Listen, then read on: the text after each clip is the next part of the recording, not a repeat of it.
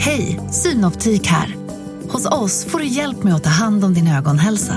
Med vår synundersökning kan vi upptäcka både synförändringar och tecken på vanliga ögonsjukdomar. Boka tid på synoptik.se. Hej och välkommen till Lisa läser. Det är jag som är Lisa och idag ska jag läsa den lilla sagan om Lejonungen och den lilla krokodilen. Det var en gång en liten krokodilunge som låg alldeles stilla i det grunda vattnet vid stranden av en bred flod. Han låtsades att han bara var en timmerstock. Hans omtänksamma mamma hade lärt honom hur han skulle likna en timmerstock och han gjorde det faktiskt mycket bra fast att han var så liten. Hans rygg var rundad, skrovlig och mörk precis som den våta barken på en timmerstock. Fötterna, ja, de hade han grävt ner i gyttjan på flodbotten och de vita vassa tänderna höll han under vattenytan där ingen kunde se dem. Plötsligt kom en lejonunge springande ner mot floden. Han hade sprungit ifrån sin mamma därför att hon ville tvätta av honom i ansiktet. Och medan hon höll på att tvätta av en av hans bröder smög han sig ut ur en grotta som var hans hem. När han kom fram till stranden stannade han och tittade längtandes fullt mot skogen på den andra sidan floden. Lejonungen suckade och tänkte Det är säkert mycket roligare att leka i den där skogen och den ser så mycket spännande ut. Och tänk att få leka långt borta ifrån mamma som jämt ville tvätta mig i ansiktet. Om jag går hem nu så får jag en smäll för att jag har smitit. Men om jag är borta hela eftermiddagen blir hon ängslig och tror att jag har råkat illa ut. Då blir hon glad när jag kommer hem ikväll och hon kysser mig istället.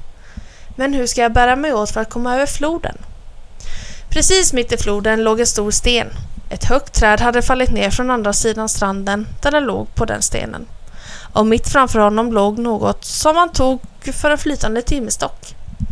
Lejonungen räknade ut att om han klev på den timmerstocken så kunde han nog från den ända hoppa till den stora stenen. Och så klev han ner.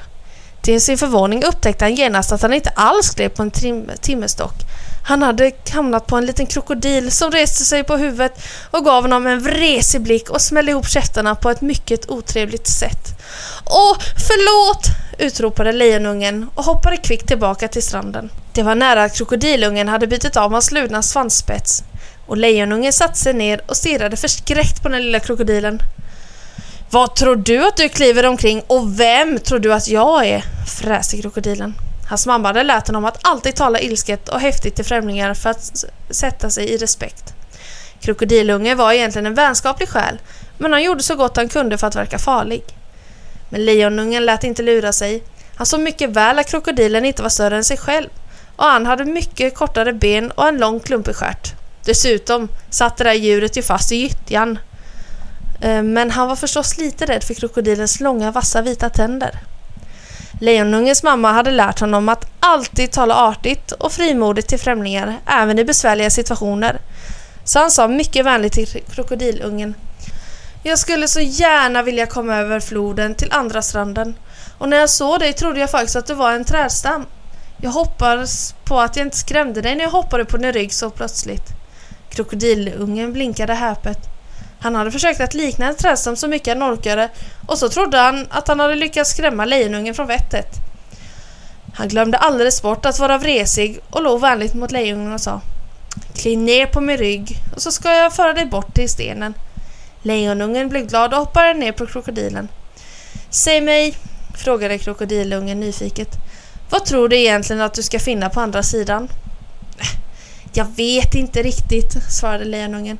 Men jag är nyfiken på den där skogen och jag vill gärna ströva omkring där hela eftermiddagen.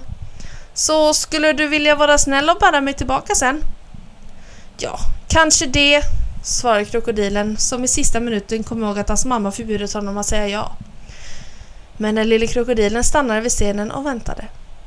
Lejonungen tackade krokodilen för hjälpen och traskade iväg längs den kullfallna trädstammen på till stranden.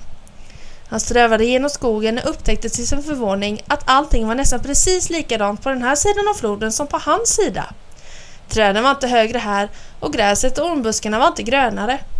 På buskarna växte precis samma sortens bär och precis likadana små varelser kilade fram här för att titta på honom. Men när solen dalade och det blev skymning började han känna sig mycket ensam. Hans mamma var så långt borta på andra sidan floden och ingen kunde skydda honom mot den okända skogens faror. Han blev plötsligt mycket rädd. Det var så skrämmande tyst i skogen, som om allt höll andan inför en stor fara. Den lilla lejonungen längtade hem och vände sig om för att springa mot stranden. Då hörde han ett förfärligt väsande från snåren alldeles bredvid honom och den största och hemskaste orm han någonsin hade sett stack fram sitt huvud. Lejonungen stannade inte för att fräsa åt ormen. Han sprang det fortaste han kunde tillbaka till stranden. Den hemska ormen följde efter honom och i sista minuten räddade han sig över på krokodilens rygg.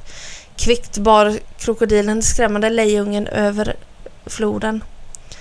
När de kom fram till andra sidan stranden var lejonungen fortfarande så uppskrämd att han inte kunde tala. Han ville så gärna visa sin tacksamhet mot krokodilen men han kunde bara hicka fram. Ta, ta, ta, ta, tack ska du ha. Men det syntes i hans blick vad han kände. Pytsan, det där var väl ingenting, svarade krokodilen med passande vresighet. Men han log sitt allra vänligaste leende. Lejonungen smög hem till grottan och strök sig kärleksfullt mot sin mamma. Han fick inte smäll, men det hade han ju inte väntat heller. Hon kysste honom ömt och tvättade honom sen i ansiktet och den här gången hade han ingenting emot det. Senare när lejonungens bröder och systrar tappade sina mjölktänder samlade han tänderna och satte ihop dem till ett halsband. Han gick ner till stranden och med några vänliga ord gav han det vackra halsbandet till sin lilla krokodilkamrat. Tänder, snäs krokodilen som om jag inte hade tänder nog. Men ändå bar han alltid det vackra halsbandet. Och snipp, snabbt snut så var denna lilla saga slut.